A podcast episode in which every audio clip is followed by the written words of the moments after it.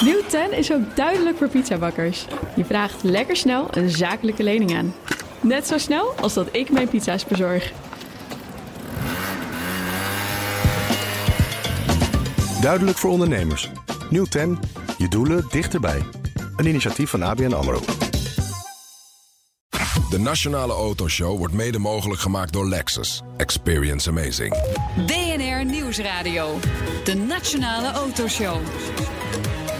Meindert en Wouter. Hoe word je master driver van de Toyota Supra? Supra, ik heb het altijd uh, willen weten. Ja. Het antwoord krijg je zo meteen. Precies. En in de road to Zandvoort. Blijft lastig, hè? De weg naar Zandvoort vind ik Ja. veel beter bekken.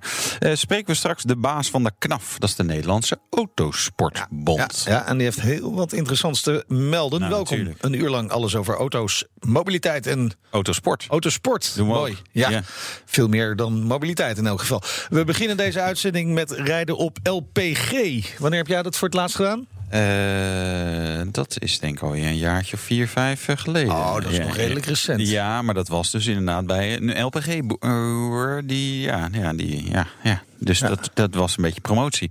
Ik denk dat het voor mij 15 jaar geleden was. Dat was ook mijn eerste en laatste leaseauto was dat. Ja, En lag daar in plaats van de reserveband lag daar achterin zo'n rond tankje. Dan kon je Altijd- vaak... eh, Ik kon heel vaak eh, Ja. gas tanken, ja. En je had heel vaak sommige van die tankstations, eh, formules, had je als je dan binnen, binnen vijf dagen weer tankte, kreeg je dubbele punten. Oh, dat had ik moeten weten de, toen. Voor de LPG-tankers met 38 liter LPG-tank Ja.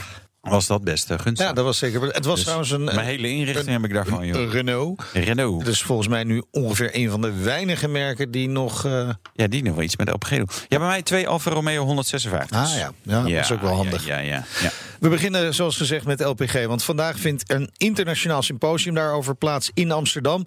En morgen wordt de nationale dag van het autogas gehouden. Een van de initiatiefnemers is Berry Den Ridder. Welkom. Van eh, de voorzitter van het platform Autogas. Ja, rijden op gas. Eh, Ik zeg niet voor niets wanneer is de laatste keer geweest. Nou, bij Wouter vijf jaar geleden onder mij. Bij mij denk ik vijftien jaar geleden. En voor heel veel mensen geldt dat het nooit meer gaat gebeuren, ben ik bang. Ja, daar proberen wij uiteraard een andere draai aan te geven met, eh, met platform autogas.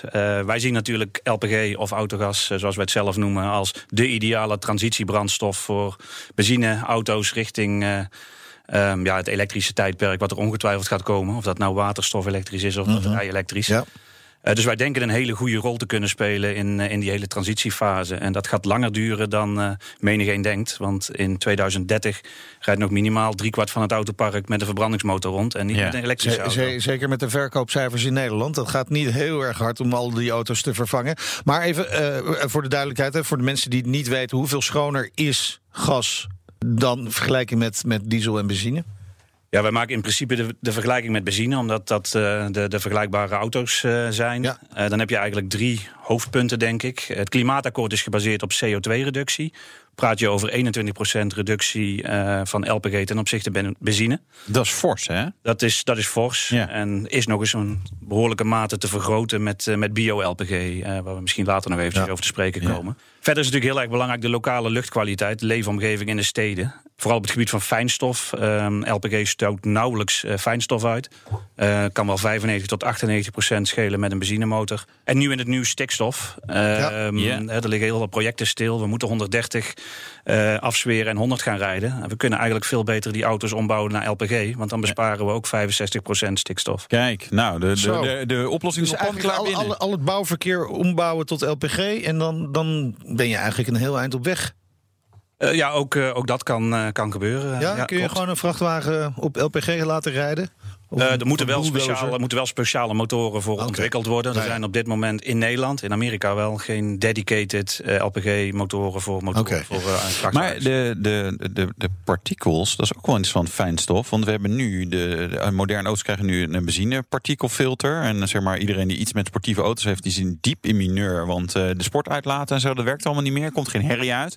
Maar eigenlijk is dus de oplossing LPG erin. eh, particulier, dat filter er weer uit. En, eh, en, en, en brullen met de spullen, zou ik bijna zeggen. Zo is het maar net. ik rij, ik ik rij zelf in een hele mooie Audi A5, een hele sportieve auto met Ja. ook eh, aardig wat geluid erin. Eh. En eh, met een LPG-tank uiteraard Ja. gewoon achterin. Ja, maar ja, eh, niet iedereen eh, heeft deze positieve verhalen over gas gehoord. Want Eh, wij hebben cijfers opgevraagd bij VWE Automotive. In 2008 werden er nog bijna 210.000 uh, op LPG reden er rond. Hè?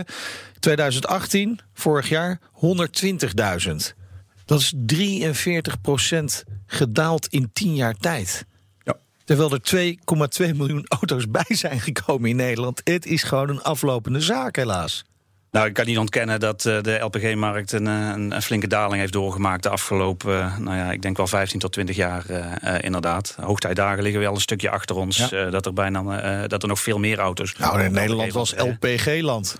Zo is het. We, hè, we, waren early adopter. Een hele industrie eh, zelfs eh, in Nederland uh, eromheen. Ja, wanneer, was de, wanneer was de piek voor LPG? Was dat jaren 90, jaren 80? ik zou zeggen jaren 90. Ik ja. heb niet de exacte getallen. Ja. Weet, bij jaren 80 hadden we nog zo'n zakje in de auto met allerlei adapters voor andere landen. Ja, ja, maar in de tijd dat ik ook in een mooie Alfa 156 op LPG reed, dat was een beetje de hoogtijd. Ja, eind jaren 90, ja, ja, ja, En toen kwamen de goede diesels. En toen was het. is dat Sloes? Ja, was dat de, de naam van de? Ja, er zijn meerdere redenen uiteraard. De, de opkomst van de dieselmotor en de verbetering van de efficiëncy daarvan. Ja. Het minder, uh, mindere geluid enzovoorts. Ja. Uh, dat heeft zeker de impact gehad. Maar ja, er waren het... allemaal diesels, dus nu uh, kunnen we weer terug. Ja, wat je nu ziet is dat de diesel eigenlijk weer een beetje uit de gratie geraakt is. Heel veel nieuwe auto's zijn op benzine, want EV is vaak nog een stap te ver. Um, heeft als gevolg dat de uitstoot weer omhoog gaat. Dus ja, daar ligt wel de kans nogmaals voor uh, autogas ja. LPG om, uh, om daar een stuk van. Ja, maar, maar het zit een beetje sowieso, verbrandingsmotor zit in het verdomme hoekje. Het moet elektrisch, op welke manier dan ook. Uh, dat is één ding waarom de consument het niet weet te vinden, denk ik. Maar ik denk ook, ja, het modelaanbod, dat is zeer beperkt op dit moment. Ja, een van de belangrijke redenen, denk ik ook voor de, voor de terugloop de afgelopen jaren, is wel geweest dat de branche wat moeite gehad heeft om aan te sluiten bij de ontwikkeling naar de direct injectiemotoren. Ja. Nieuwe technologie, uh, heel snel allerlei nieuwe ontwikkelingen in die motoren waar achteraf dan steeds op aangesloten moest worden. Uh, dat is nu inmiddels wel onder controle. Er zijn zelfs nieuwe ontwikkelingen die bijna model onafhankelijk zijn, uh, nu, nu, nu geïntroduceerd op de LPG-dag vandaag. En dus okay, inmiddels kun je bijna ja. iedere auto gewoon weer op LPG, uh, iedere benzineauto op LPG ombouwen. En waarom doen we dat dan niet? Wat moet er gebeuren? Wil, wil de LPG-branche weer opleven? Nou, het zou natuurlijk fijn zijn als de, als de overheid ons een zetje in de rug uh, zou, zou willen geven. Uh, ja. De Nederlandse overheid heeft uh, eigenlijk al een technologiekeuze gemaakt door voor ja. EV te kiezen. Ja, in mijn opinie moet een overheid dat niet doen. Die moet het doel stellen, CO2-reductie of fijnstofreductie. En de markt moet bepalen wat daar de beste oplossing voor is. Ja. Um, maar concreet, wat zou je dan, wat zou je dan voorstellen? Nou, wat we bijvoorbeeld zien, we hebben vandaag gesproken over het succesverhaal in Spanje, waar de markt verviervoudigd is in, in, in een jaar tijd. Um, door een actief overheidsbeleid. Uh, dat kan zijn door een, door een kleine aanschafsubsidie. Dat kan zijn door de toeslag op de wegenbelasting hier in Nederland. Als je een auto ombouwt van benzine naar LPG, dan ga je meer wegenbelasting betalen. Dat is eigenlijk heel raar. Je gaat schoner ja. rijden, maar je moet meer betalen. Ja. Ja. Dat soort dingen kun je laten vervallen. Uh, maar het is eigenlijk vooral een kwestie van erkenning. Uh, en ons een, een, een, gelijke kans geven als de overige brandstoffen. Ja, maar dat, dat valt natuurlijk samen, hè? erkenning en dat soort maatregelen. Maar zie je het überhaupt gebeuren? Want ik hoor die geluiden vanuit Den Haag nog niet heel erg. Nee, we zijn uiteraard druk in de lobby richting, uh, richting uh, Den Haag. Het is wel zo dat uh, um, twee weken geleden voor het eerst sinds lange tijd LPG weer eens in, in een debat naar voren is gekomen. De staatssecretaris daarna gekeken heeft. We hebben contact met minister, het ministerie van, van INW om over dit soort oplossingen te praten. Ja. Maar als ik heel eerlijk ben, denk ik uh, dat we in ieder geval uh, bio-LPG naar Nederland moeten halen om bij ja. de overheid gehoord ja. te worden. Wat is bio-LPG? Bio-LPG is eigenlijk qua samenstelling exact hetzelfde als gewoon de reguliere LPG. Die wordt ge gewonnen bij de aardgaswinning of bij de raffinage van olie. Uh, Bio-LPG wordt gemaakt uit hernieuwbare grondstoffen. Uh, moet je denken aan afvalstoffen, um, kan ook uit plantaardige of dierlijke vetten zijn. Maar het beste is natuurlijk afvalstoffen als je kijkt naar de hele keten en de belasting die dat uh, daarop legt. Ja. Moet je bijvoorbeeld denken aan afgewerkt frituurvet en dat, ja. soort, uh, dat soort grondstoffen. Ja. Er wordt eigenlijk diesel meegemaakt, maar als bijproduct. Ja, LPG is altijd een bijproduct, komt er dan ook bio-LPG vrij. Link aan de bitterballen en dan... en wat gebeurt er nu dan met die, met die, met die bio-LPG? Niks. Die is, die is beschikbaar uh, in een klein aantal landen, ook in het wegtransport. Uh, in Nederland helaas nog niet. Uh, wordt hier in Nederland wel verkocht in flessengas. Eh, voor, voor verwarming, voor, eh, voor barbecues Barbecue, enzovoorts. ja. Eh, maar, zie jij nog een kans in het feit dat eh, de bijtelling op eh, elektrische auto's, op EV's, omhoog gaat de komende tijd? In januari al naar 8% Pas daarna, de jaren daarna, gaat het echt om, flink omhoog. Dat biedt natuurlijk wel een kans. Ik kan me voorstellen dat gas met name toch voor de zakelijke rijder interessant kan zijn. Ja, we, we zijn uiteraard in contact met, eh, met diverse leasemaatschappijen. Ehm, mijn auto is uiteindelijk ook als retrofit-installatie geleased eh, via, via een eh, leasemaatschappij. Die doen wel moeilijk, die leasemaatschappijen, volgens Ja, mij. dat, zij kijken natuurlijk naar de garantie. En een aantal ehm, eh, eh, fabrikanten zeggen dan van ja, als er autogas ingezet wordt, dan ehm, eh, willen we daar wel eens heel kritisch naar kijken. Ehm, aan de andere kant er zijn ook leasemaatschappijen die zeggen van ja, wij moeten een alternatief hebben voor diesel. Die auto's zijn na vier jaar niks meer waard, die kan ik exporteren. Een benzineauto met LPG-installatie heeft nog, een, nog een flinke waarde na, na vier jaar. Dus wij accepteren die. wij accepteren dat garantieverhaal. En ja, wij, eh, wij calculeren dat gewoon in in de maandelijkse leaseprijs. De, de dag van het autogas komt eraan. Wat gaat er gebeuren? Ja, vandaag was het eh, in het Hilton in Amsterdam was de internationale autogasdag. Kick-off voor 20 landen waar eh, de dag van het autogas eh, ge- eh, eh, gehouden wordt. Vorig jaar in Nederland was de eerste editie eh, in november. Eh, ik weet nog dat het heel erg koud was. Dus wij hadden gedacht, we doen het in september, dan hebben we goed weer. Het ziet er morgen niet zo heel erg eh, prettig uit. Maar Nee. ja, dat kunnen we niet veranderen. Eh, wat we wel kunnen doen is met heel veel enthousiasme op zo'n 20 locaties in het land eh, zaken over autogas eh, uitleggen aan de consument. Heel veel succes daarmee. Dank voor de komst naar de studio. Berry den Ridder, voorzitter van Platform Autogas. En zometeen de master driver van de Toyota Supra. Ja, dat is geen Japanner, maar een Belg. Nou ja. En wij spreken hem. Tot zo. BNR Nieuwsradio. BNR, de Nationale Autoshow.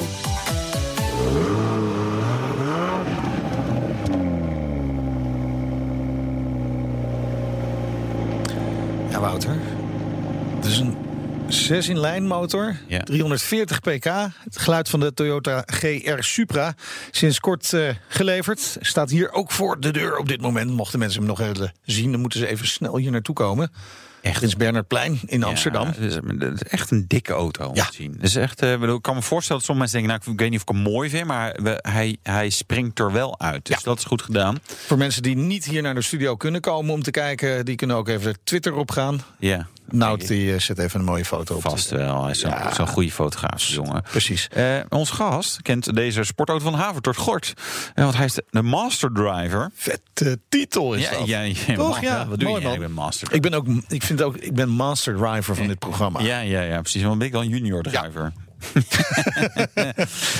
Herwig Daans, welkom. Master driver dus. Ja, wat houdt het in? Ik ben eigenlijk verantwoordelijk voor het eh, rijgedrag. Eh, niet alleen het rijgedrag, maar voor hoe de Supra aanvoelt. Vanaf het moment dat de chauffeur instapt, auto start, eh, aan het stuur draait, begint te rijden, overal even wegrijdt, eh, gas geeft, remt. Alles wat hij dan voelt en ervaart, dat Ja. is mijn verantwoordelijkheid. Maar dat is het allerbelangrijkste aan de auto, toch? Of, nou, of- dat is inderdaad het gevoel. Ja. Dat is het, het allerbelangrijkste. ja. Dus je bent de baas. Eh, baas, baas is een groot woord, Oh, maar daar heb ik mijn, eh mijn zeggen, ja, inderdaad. Ja, heel, be- heel bepalend. Ja, weet je, er zijn natuurlijk meer dingen. Ik bedoel, het uiterlijk had ik het even over. Maar, maar het moment dat je weggaat en zeker een Supra... dat moet gewoon lekker zijn. Dat moet kloppen. Dat moet inderdaad kloppen. Dat moet eh, een harmonieus en eh, op elkaar afgestemd geheel zijn. Ja. Maar, maar werkt het dan ook een beetje zoals, hè, want die mensen, mensen kennen de Formule 1 wel, hè, en die, die, zo'n Max Verstappen, bijvoorbeeld, om maar eentje te noemen, eh, Hamilton kan ik ook zeggen, Vettel, eh, Leclerc, noem maar op, die krijgen een auto en dan gaan ze met hun team daar aan sleutelen. Is dat eigenlijk wat jij ook doet? De, de, de settings veranderen? Ja, daar komt het op neer. Maar eh, in de motorsport natuurlijk eh, is het hoofddoel eh uw rondetijd verbeteren.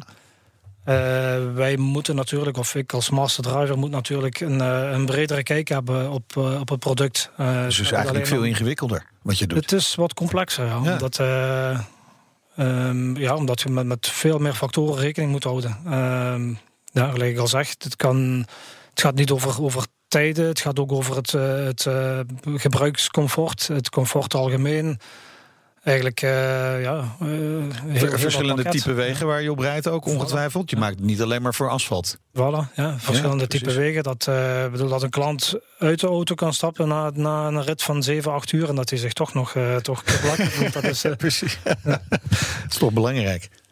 Maar als, als het zo'n complexe uh, job is. Uh, kijk, voor autosport is eigenlijk heel simpel. Hè? Van degene die het hardste gaat, dat, die is de beste. Uh, maar voor een Master Drive komt er dus best veel bij kijken.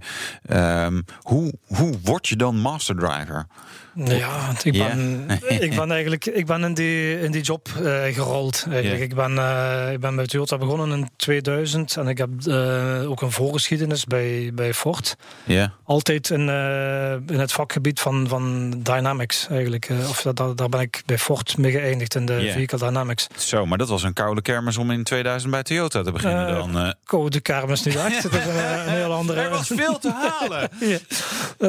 een heel andere bedrijfscultuur. Dat is uh, dat is inderdaad. Maar uh, ja, uh, en een, een, een, hele uitdaging ook. Een, een heel nieuwe omgeving, nieuwe uitdaging. Het is allemaal goed gelopen. En hoe ben je uiteindelijk bij het project Supra betrokken geraakt? Eigenlijk heeft dat ook een voorgeschiedenis. Uh, in 2008, dat begint in 2008, 2009, waar dat ik met Tetsuda Tada, de chief engineer van de Supra, was destijds ook chief engineer voor de GT86. Ah ja. En daarmee ben ik dus eigenlijk uh, in contact gekomen om de GT86 af te stellen. En destijds, uh, dat kan ik wel zeggen, hebben wij met ons twee bepaalde beslissingen erdoor gedrukt uh, op gebied van rijdynamiek, die op dat moment bij Toyota vrij revolutionair waren. Zoals? Ja. Uh, dus eigenlijk zoals het, het, speels, het speelse karakter van de, van de Toyota GT86. Dus eigenlijk de balans wat verleggen van stabiliteit naar agiliteit. En ja eigenlijk een auto ook een beetje gevaarlijker maken. Misschien. Nee, eigenlijk, eigenlijk spannender. Spannender, ja, nee, gevaarlijker. Met, met elektronica kan je, regel je dat natuurlijk weer ook. Hè? Ja, niet, niet alleen met elektronica. Wat dat we bij de GT86 en ook bij de Supra altijd op gelet hebben... is dat, uh, dat de auto progressief en voorspelbaar blijft in het grensbereik. Ja. Uh, echt gevaarlijk wordt het pas als, uh, als, als die karaktertrekken niet aanwezig zijn. Ja. Oh, daar weet ik een goede Toyota voor, de MR2. Ja, 90. Ja, Nou ja. Dit is voor petrolheads. Zoek maar op. Dat was niet. Uh, als je daar van het gas ging, halverwege een bocht, dan eindig je gewoon gegarandeerd achterstevoren. Dat was een, dat was een hele. was niet het hoogtepunt. Uh, maar nu, over de Supra. Ja, want, want je kreeg dus voor de, voor de, de GT86 een duidelijke opdracht mee. Ja. Uh, hoe was dat met de Supra? Ja, dus zoals ik al zei, met die GT86 hebben we destijds die beslissingen genomen om in een bepaalde richting te gaan. Dat is gelukkig heel goed onthaald geworden door de wereldpers. Ja. Anders, anders stond ik hier waarschijnlijk nu niet aan deze nee, microfoon. Dan je een andere auto mogen en, uh, Dus uh, Supra, dat verhaal Supra begint dus ook bij meneer Tadda, de chief engineer, die de opdracht krijgt van ons topmanagement om weer een nieuwe sportwagen uh, te ontwikkelen. Weer een samenwerkingsverband. En die komt er bij mij aankloppen. En zo zijn we dus terug beginnen samen, samen te werken op de Supra. En waar dat we naar gestreefd hebben met de Supra, dat was voor Tadasan en mijzelf uh, vrij snel duidelijk, was dat we eigenlijk een grote broer van de GT86 wouden bouwen. Dus eigenlijk heel het performance aspect op een, op een groter niveau, op een hoger niveau brengen. Maar toch nog die qua jonge streken van de GT86 daar wat in uh, yeah. mixen. Ja. Ja, ja hij is, hij is, het is inderdaad wel een volwassene auto. Hij is, ik, ik vond zelf, ik heb het ook super gereden. Ik dacht op een gegeven moment zelf van ja, of er, er, moet meer vermogen in, of, of iets smallere banden. Iets meer speels qua jongens had ik zelf uh, uh, wel lekker gevonden. Kan, kan, je, kan, je daar, kan je daarin vinden? Of zeggen van nou, dan heb ik hem niet goed begrepen. Ja, dat mag hoor. ik begrijp niet altijd alles. Ja, daar heb, daar heb ik eerlijk gezegd een andere mening over. Want uh, gelijk, met de GT86 speelt zich eh, heel dat verhaal, heel dat grensbereik verhaal speelt zich af uh, ja, op een lager niveau. Ja. En dat is natuurlijk wel iets waar, dat, uh, waar je goed rekening mee moet houden bij de Supra. Dat uh, eer dat je daar het, het grensgebied bereikt, dat yeah. je laterale versnellingen of je longitudinaal lateraal, yeah. dat dat allemaal op een veel hoger niveau is. Het gaat allemaal veel harder. En dan... Veel, veel harder. Yeah. En daar is natuurlijk, uh, ja, daar moet, daar moet je heel goed op letten dat, dat daar je niet hebt eigenlijk mij in bescherming genomen tegen mezelf. Dat, dat, dat, dat probeer je uit te leggen. ik, ik, ik, ik, krijg ook het gevoel dat het heel goed is dat jij toch niet master driver bent geweest van de Supra. Eh, eh, ja, dat is ongetwijfeld ook waar, inderdaad. Ik, eh, nee, nou, nou, weet je, het is wel interessant om, om van, van welke keuzes maak je hierin en, en hoe, hoe kom je daartoe? Want dat is, je kunt natuurlijk eh, tien verschillende kanten op met zo'n auto. Ik voel een dagje op stap eraan komen. Ja, heerlijk, hè? Ja, lijkt me heel ik- goed. Moet, ja. Ehm, je hebt natuurlijk, je, je gaat sleutelen. en Je gaat steeds wat dingetjes aanpassen aan, aan de auto. Wat heb je gaandeweg veranderd, verbeterd aan de Supra en waarom? Dat is een heel, een heel proces geweest. Ik denk dat we wel, als ik daarop terugdenk, wel 700 of 800 eh, veranderingen hebben aangebracht. Tussen het, het rauwe prototype en het product dat hier nu voor de deur Ja. staat. En natuurlijk. In het begin, eh, in het begin eh, van het prototypefase, dan confirmeert je eigenlijk de architectuur die je hebt gekozen. Dus wat bedoel ik daarmee? De, de spoorbreedte, de wielbasis, de, de hoogte van het zwaartepunt. Die dingen die worden dan geconfirmeerd of dat overeenkomt met, uw, eh, met het eh, simulatief gedeelte. En dan zijn de veranderingen die aangebracht worden vrij, kunnen vrij, eh, vrij groot zijn of vrij ingrijpend. Maar natuurlijk, hoe verder eh geëvalueerd in zo'n eh, tuningsproces, hoe subtieler en hoe, hoe minusculer die veranderingen worden. Maar ze kunnen toch nog altijd een, groot effect resulteren. Dus dat is. eh, Ja, en dat, en dat allemaal wel op gevoel. Want het gaat ook met de computer. Maar me- meestal is uiteindelijk op gevoel. nee, op gevoel. En Echt dat op is, gevoel. Ja, Niks dat was een, computer. eh, nee, dat is inderdaad. Ja, wat fijn. Er is natuurlijk heel veel, heel veel data beschikbaar. Ehm, er wordt, eh, ook bij, bij Toyota wordt er ook heel veel belang gehecht aan data en aan, aan, aan objectieve gegevens. Maar dat is inderdaad de rol van de master driver, dat, eh, dat zijn gevoel gevolgd wordt om, om eh, veranderingen aan te brengen. En mijn gevoel zegt eh, dat we straks verder gaan praten met Herwig Danens. Want hij heeft bij Toyota een bijzondere collega als master driver. Ja, en, Net als ik. ja, je hebt een bijzondere collega, dat zeker. Eh, ik weet niet precies welke je dan eh, bedoelt. Nee, maar het over jou, Wouter. we gaan de pijlstok ook doen. Tot zo. Tot zo. De Nationale Autoshow wordt mede mogelijk gemaakt door Lexus. Experience amazing. BNR Nieuwsradio. De Nationale Autoshow. Meindert en Wouter. Straks natuurlijk de Road to Zandvoort. De podcast waarin we de terugkeer van de Formule 1 naar Nederland volgen.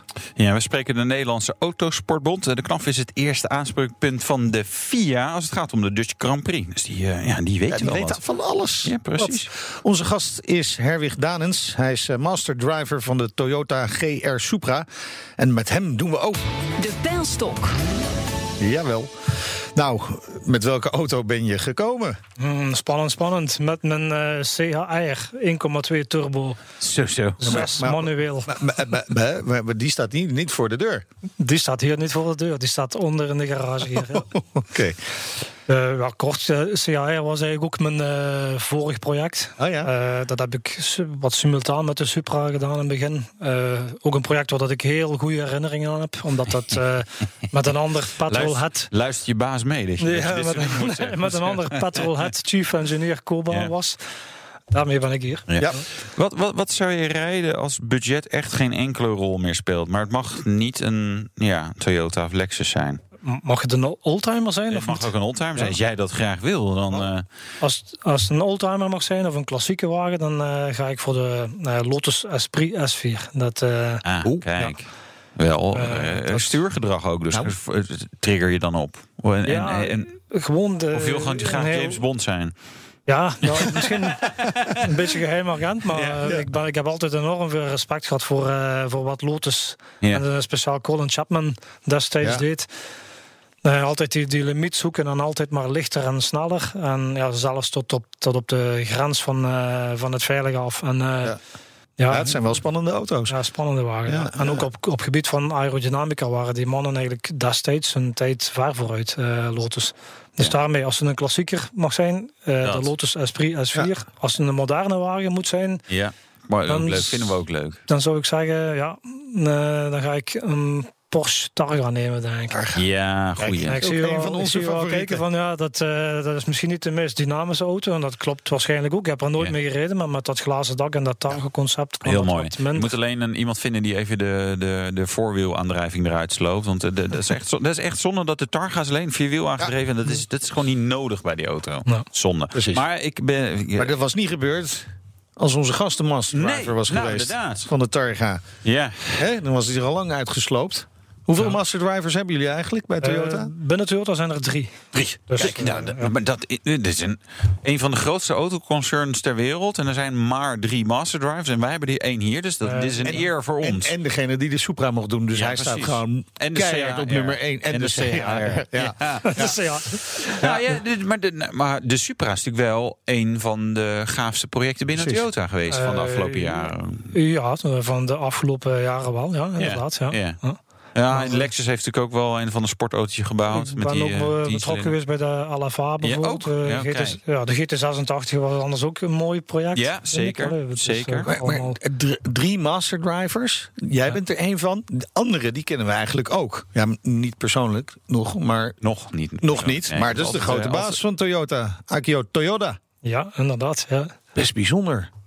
Dat is eh, ja, Het- ik- best bijzonder. Man. Het, eh ja, Akio is eigenlijk ook iemand die, die echt benzine in de bloed heeft, zeg ik altijd. Dat is, eh, ja, jullie kennen hem misschien van, van met zijn grijs businessvestje op televisie of op, eh, op YouTube. Ja. Maar, nou, eh, ik weet ook wel dat hij heeft gezegd dat eh, auto's, en dan met name ging het over, over Lexus ook, maar het moest allemaal meer sexy worden. ja, Nou, met de Supra is dat wel redelijk gelukt. Ja, ja heeft, dat, eh, heeft die, die uitspraak eens gedaan. No more boring cars. Ja. Eh, best, best wel gewaagde uitspraak destijds, denk ik. En eh, Maar wel terecht. wel terecht, ja. Toch? Ja. Ja, ja, eerlijk in zijn. ja. Hoe is het om met hem samen te werken? Ik ken Akio al, al eh, sinds 2006. Dus eigenlijk hebben we ons leren kennen in de motorsport aan de Nürburgring. Ja. En daarna zijn we eigenlijk meer en meer in contact geraakt eh, in projectgerelateerd werk. En eigenlijk, ik denk altijd als je mensen op een sportief vlak eerst leert kennen, dat dan ja. De verstandhouding. eh Dus een wederzijds respect. Ja, wederzijds respect en ook, ook een relaxtere manier van, van omgaan. Ja. Dus eigenlijk. Ja. Wie kan er beter rijden van jullie twee? hè? eh, hij verstaat toch, hij verstaat toch Nederlands. Nee. Nee. Nee, maar- maar- maar- maar- maar- Hebben we als rondetijden bijvoorbeeld vergeleken of doen jullie dat niet? Eh, ja, nee, niet direct. Nee. Niet direct. Maar Ik denk, ik denk ja, sorry, sorry Akio, volgende maar ik denk dat ik iets sneller ben. Ja, ja. Maar, maar ik kan me wel voorstellen, hè, dat misschien niet eens tegenspreekt, maar dat jullie wel discussie hebben over, over zijn auto. Discussie is misschien een groot woord, maar toch wel. De Supra was Akio zijn geestekind eigenlijk. En daarmee heeft hij ook altijd het project eh, zeer, zeer nauwlettend opgevolgd. Zijn wij ook verschillende keren naar Japan geweest met een prototype om hem op de hoogte te brengen en te houden en presentatie gegeven. Ook uitgenodigd in Europa om met de wagen te rijden. En daar waren is subtiele- volledig hier in Europa ontwikkeld? Ja, hij is volledig in Europa ontwikkeld. En er zijn dan inderdaad wel momenten dat hij andere voorkeuren heeft- heeft. Maar dat gaat dan natuurlijk niet over, over het, eh, het, eh, de basis van het rijgedrag. Maar over, over kleine, eh, ja, kleine, kleine aanpassingen die hij liever, liever anders ziet. Of waar dat hij een ander, eh, een ander gevoel Ja, heeft. en hoe vaak heeft, krijgt hij dan ook gelijk? Ja, niet, niet altijd. Eh, Oh, nee? nee, dat, dat, klinkt misschien raar, maar dat, Akio is ook iemand waar, dat, waar dat je mee kunt, eh, mee kunt praten en Ja, ja. ook mee kunt overleggen. En die ook, ook open staat voor, eh, eh, voor, voor, voor inputs van uw zijde. Dus als wij dat dan eh, konden staven, dat die beslissing wel de juiste was, om, de, om welke reden dan ook, dan eh, was Ja. je daar ook graag mee akkoord. Nee, maar daar is dat wederzijdse respect dan natuurlijk wel heel belangrijk Inderdaad, voor. Je, je noemde al de Nürburgring. Hoe, hoe belangrijk is die? Ja, super belangrijk voor de, voor de Supra. Ik zag, eh, eigenlijk kunnen we zeggen, die, die Supra is, is geboren in München. In ons project office in München. Maar die is eigenlijk opgetrokken, eh, grootgetrokken in de Duitse Eifel. Dat is eh, zo belangrijk, kan ik het wel noemen. Ja. Waarom is dat zo belangrijk, de Nürburgring en, en, en misschien ook de wegen eromheen? Ja, inderdaad. U zegt het al. De, het is niet alleen het circuit zelf. Hè, dus die, die 21 kilometer waar dat je eigenlijk de, de wagen alle mogelijke scenario's voor de wielen kunt schuiven. Maar het zijn ook de wegen daar rond. Dus eigenlijk de, de Duitse autobanen, de A61, de, de A6, wat er, allemaal, wat er allemaal in de buurt ligt. Maar dat je dus eigenlijk heel... Ja, heel het, heel het spectrum eh, van, van zo'n wagen kunt bekijken en afstellen. Dus dat is eh, Waaronder de topsnelheid de natuurlijk. topsnelheid, ja, inderdaad. Zeker. En ook- Vaak aangetikt? ja, zeker. Ja, ja, ja. In, in Duitsland eh, dagelijks. Dat is, en dat is het verschil met, anders. met testwerk in, in, ik zeg maar Nederland of België op de openbare weg. Of Japan, want Japan rijdt Japan helemaal ook. niet zo hard. Japan reizen helemaal niet op de openbare weg. En dat Nee. is natuurlijk een grote troef van Toyota Motor Europe. Ja. Van onze entiteit in Europa. Dat wij die, dat aspect... eh, Rijden niet op de, testen niet op Nooit. de. Nooit. Nooit. nooit. Dat is Oké. verbo- eh, verboden voor de wet in Japan. Echt waar? Met prototypes. Oké. Dus ze kunnen wel met productiewagens eh, op de baan, Ja. maar met een prototype is totaal uit den boze. Ja. Oh, dat, maar dat is een hele grote beperking inderdaad. Dat is een dat- enorme beperking. Ja, Want dan heb je alleen maar je testbaan die je van haven tot Ja. gort kent, maar waar niet alles. Je kan nooit alles nabootsen. Nee, ja, inderdaad. Het grote gevaar op een testbaan is dat ja, is en het blijft een eh, soort van artificiële omgeving. Hè, dat, Ja. eh, op het einde van Heel geconditioneerd natuurlijk. Ja. Ja. Dus eh, de- de- ik dacht toch al, ja, die Nürburgring ook wel een beetje een marketingverhaaltje. Het is gewoon lekker als je daar een goede ronde hebt gedraaid. Maar het is echt veel meer dan dat. Het is dus veel meer dan dat, inderdaad. Ja. Het is natuurlijk, ja, eh, je staat in de belangstelling als je met die prototype aan de Nürburgring komt. Dat is mooi meegenomen, maar het is niet daarvoor dat we naar daar gaan. Het is echt eh, om de auto aan de tand te kunnen voelen in, eh, ja, in, in al die omstandigheden. En misschien kan ik dat ook nog even, als ik dat nog even mag ver- vertellen. De S in de naam van Supra, hebben Ja. jullie misschien ook al gehoord. En misschien de luisteraars ook. Maar eh, dat is dus echt eh, eh, geïnspireerd op de sectie weerzijfen in, eh, aan de Nürburgring. Ja, Dus ja die bochtencombinatie. die bochtencombinatie. Ja. Dat, Ja, dat is wel. eh, Hoe, hoe, hoe vaak ben je dan op de Nürburgring? Hoeveel dagen per jaar? Of woon je daar ja, gewoon? nee, ik, nee, ik woon er niet. Ik woon er niet, ik woon er niet te ver, ik woon er niet eh, ver vanaf. Maar ehm, ik ben daar pak tien, tien weken op een, eh, op een jaar. Oké. Zo. Dus eigenlijk een, een typisch seizoen aan de Nürburgring, eh, aan de Nürburgring loopt van eh, einde maart tot eh, eind oktober. Ja, En in die, in die tijdspanne ben ik 10 tot 11 weken. Ja. dus vaak, ja. En hij is nu klaar, de Toyota Supra. Waar, waar ben je nu mee bezig? Nog een snellere variant misschien? Eh, ja, met eh, andere sportwagens. Maar ik kan, eh, ik kan daar niet te veel over kwijt op, Ja. eh, op de radio nog niet. Dus, eh, Ja. eh, Maar er komen, kom, komt er, komen er genoeg leuke Toyota's en Lexus aan? Ja? No more boring cars. Dat, No eh, boring cars. Daar houden we- daar houden we ja, daar houden we ja. Da- Dankjewel voor je komst naar de studio. Herwig Danens, masterdriver van de Toyota GR Supra. En zometeen een nieuwe aflevering van The Road to Zandvoort. Ja, met de baas van de KNAF, de Nederlandse Autosportbond. Het is tijd voor The Road to Zandvoort. nog 219 dagen te gaan... en dan racen de Formule 1 bolides op circuit Zandvoort. De Road to Zandvoort volgt de terugkeer... en alle voorbereidingen op de Dutch Grand Prix. En vandaag de gast Maarten van Wezenbeek... general manager van de KNAF... de Nederlandse Federatie voor Autosport. Welkom. Dankjewel. Leuk dat je hier bent. Ik, ja, ik vind wel, dit, het is een groot project, hè? Voor even, even Formule 1 organiseren. Ja. En dat is wel leuk, vind ik echt oprecht leuk dat we dit doen. Dus dat- we vanuit allerlei invalshoeken gewoon Wat vragen. er nou ja, bij komt kijken. Ja, even mensen Ja. helemaal kunnen doorzagen of het wel goed gaat. Nou, Ja, Ja, en, en daarom ben je een goede gast, eh, Maarten. Want als het om de Dutch Grand Prix gaat... dan is eigenlijk de KNAF het eerste aanspreekpunt hè, van de FIA... de Internationale klopt. Autosportbond. Ja. Waarom, waarom zijn jullie dat en niet eh, het circuit Zandvoort zelf bijvoorbeeld? omdat eh, nou ja, de FIA schakelt eigenlijk eh, in eerste instantie altijd met de sportbonden, de lokale sportbonden. In dit geval dan ja, eh, de KNAF. Ja. Eh, en maar jullie zijn, zijn een soort van de K, soort van, jullie zijn de KNVB, maar dan voor autosport. Ja, zo moet je zijn, ik ja zien, zo, zo omschrijf ik het ook altijd. Ja. Het, eh, Je moet wel aan- mensen van, ja. Knaf, wat is dat? Ja, nou ja, dat dan, dan oh, snappen mensen ja. ongeveer nog steeds 10% van wat je doet. Maar dan, Ja, ja, ja. dan is er in ieder geval een lampje dat gaat branden. Ja, maar wat doen jullie dan? In de basis staan wij voor de controle en, en naleving van eh, sportiviteit en veiligheid in de autosport. In de, in de breedste zin. Hè. Dus in dit geval bijvoorbeeld ehm, de upgrade van de, van de circuitlicentie van Zandvoort. Ja. Nou, daar zijn we dan eh eerste aanspreekpunt voor de FIA, ook voor Zandvoort. En dan ja, eigenlijk het cement tussen die partijen. En gaan we kijken hoe we dat, eh, die hele verbouwing en, en, en al die voorwaarden die eraan gekoppeld zijn in, in goede banen kunnen leiden. Nou, daarnaast geven we natuurlijk ehm, eh, licenties uit. Ja, dus Aan een licentie. racelicenties Ja, bijvoorbeeld? racelicentie. Maar om een idee te geven voor, voor degenen die het niet weten... we hebben negen takken van autosport onder ons. Dus het is heel divers. Ja.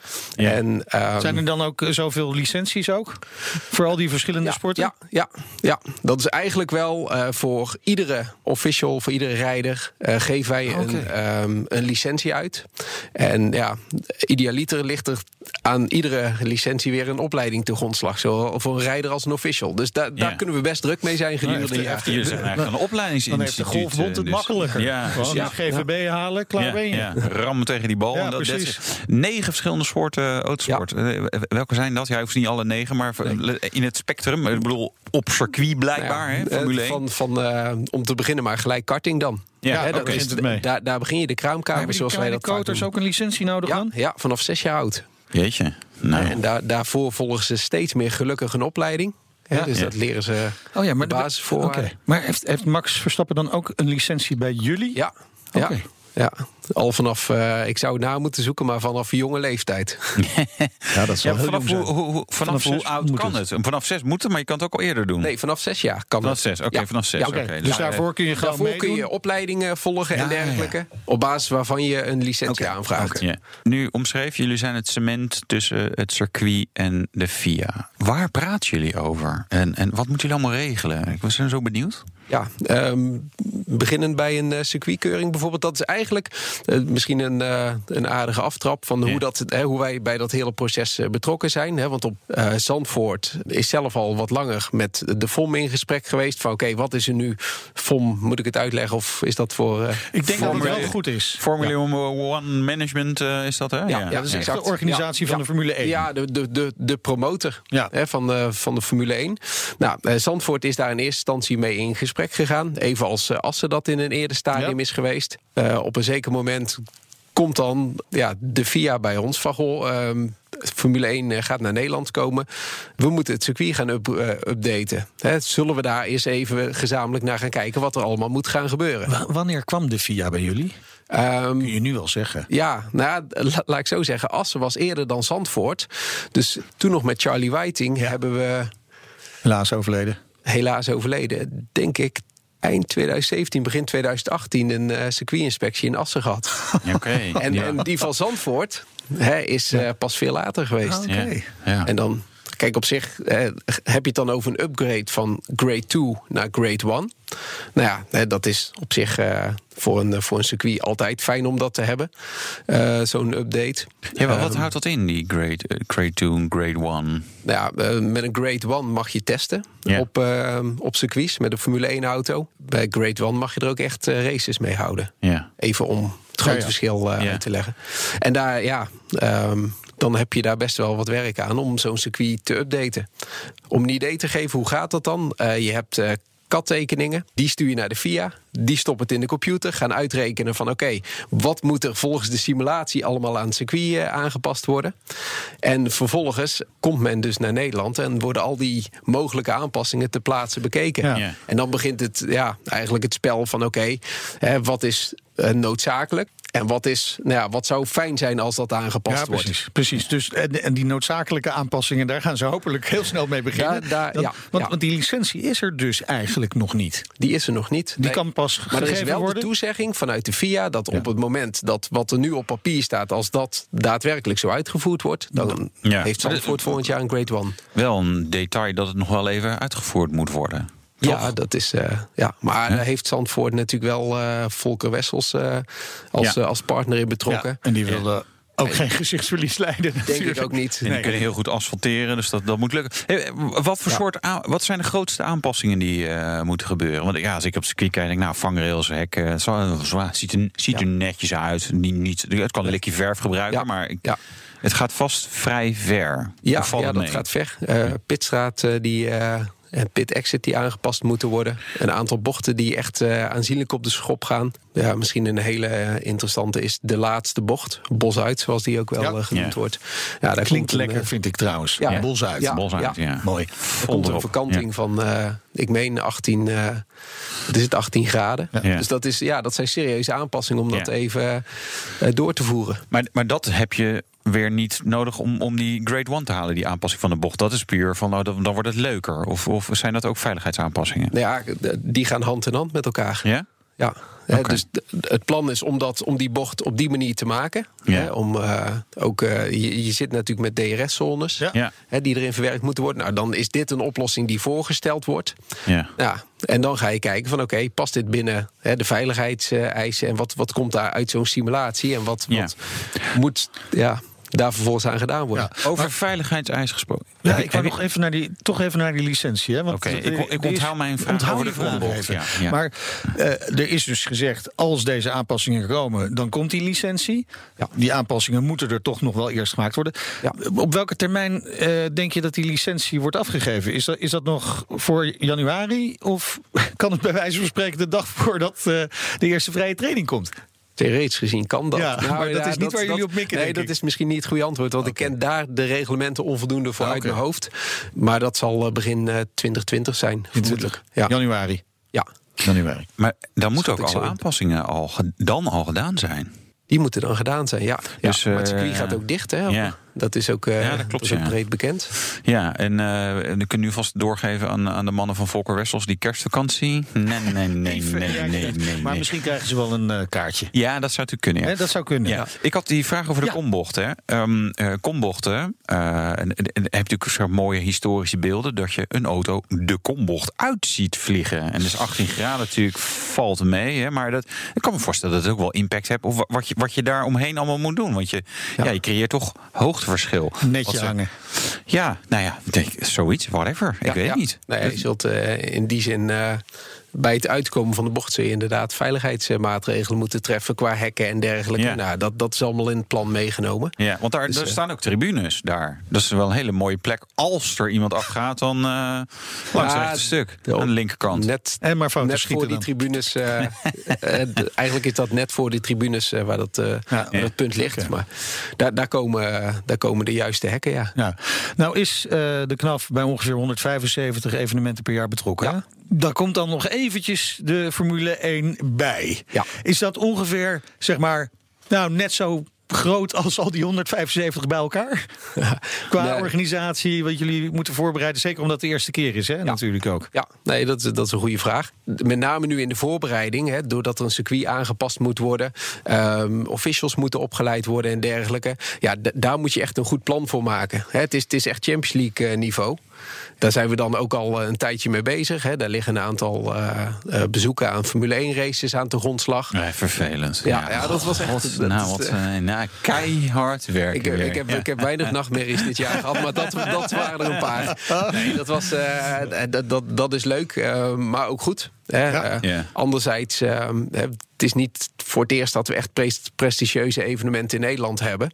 Hè, dus, dus op zich ligt, is daar al wel veel eh, ervaring, ook in Zandvoort. Maar ja, Formule 1 is wel eh, de next step. Ja, Ja. kon- koningsklasse natuurlijk. Koningsklasse. Is, is, is er ook nog iets wat je er bovenop wil leggen? hè? Want je hebt dan andere Formule 1 races gezien. Je ziet hoe het daar gaat. En dan denk je, wij Nederlanders, wij willen het altijd nog net even een stukje beter doen. Ja. Zeker organisatorisch gezien, hè? Ja, helder in. absoluut. Maar los van, eh, van het sportieve gedeelte eh, is er ook nog een commercieel gedeelte en, en het eh, hele entertainment gedeelte. Maar wij houden ons beperkt tot het sportieve gedeelte. Ja. En dat is, eh, ja, dat is wel interessant genoeg voor ons. Dank voor nu, Maarten van Wezenbeek, general manager van de KNAF, de Nederlandse Federatie voor Autosport. Dit gesprek gaat verder in de podcast The Road to Zandvoort. Die vind je terug in de BNR-app, in iTunes, in Spotify of via... BNR.nl. Jij bent? Meijner Schutte. Ja, en ik ben Wouter Dat Karsen. moet haast wel. Ja. Dit was de Nationale Autoshow. Tot volgende week. Doei. De Nationale Autoshow wordt mede mogelijk gemaakt door Lexus. Experience amazing. Nieuw 10 is ook duidelijk voor pizzabakkers. Je vraagt lekker snel een zakelijke lening aan. Net zo snel als dat ik mijn pizza's bezorg.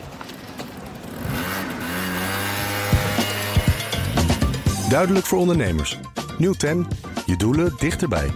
Een initiatief van ABN AMRO.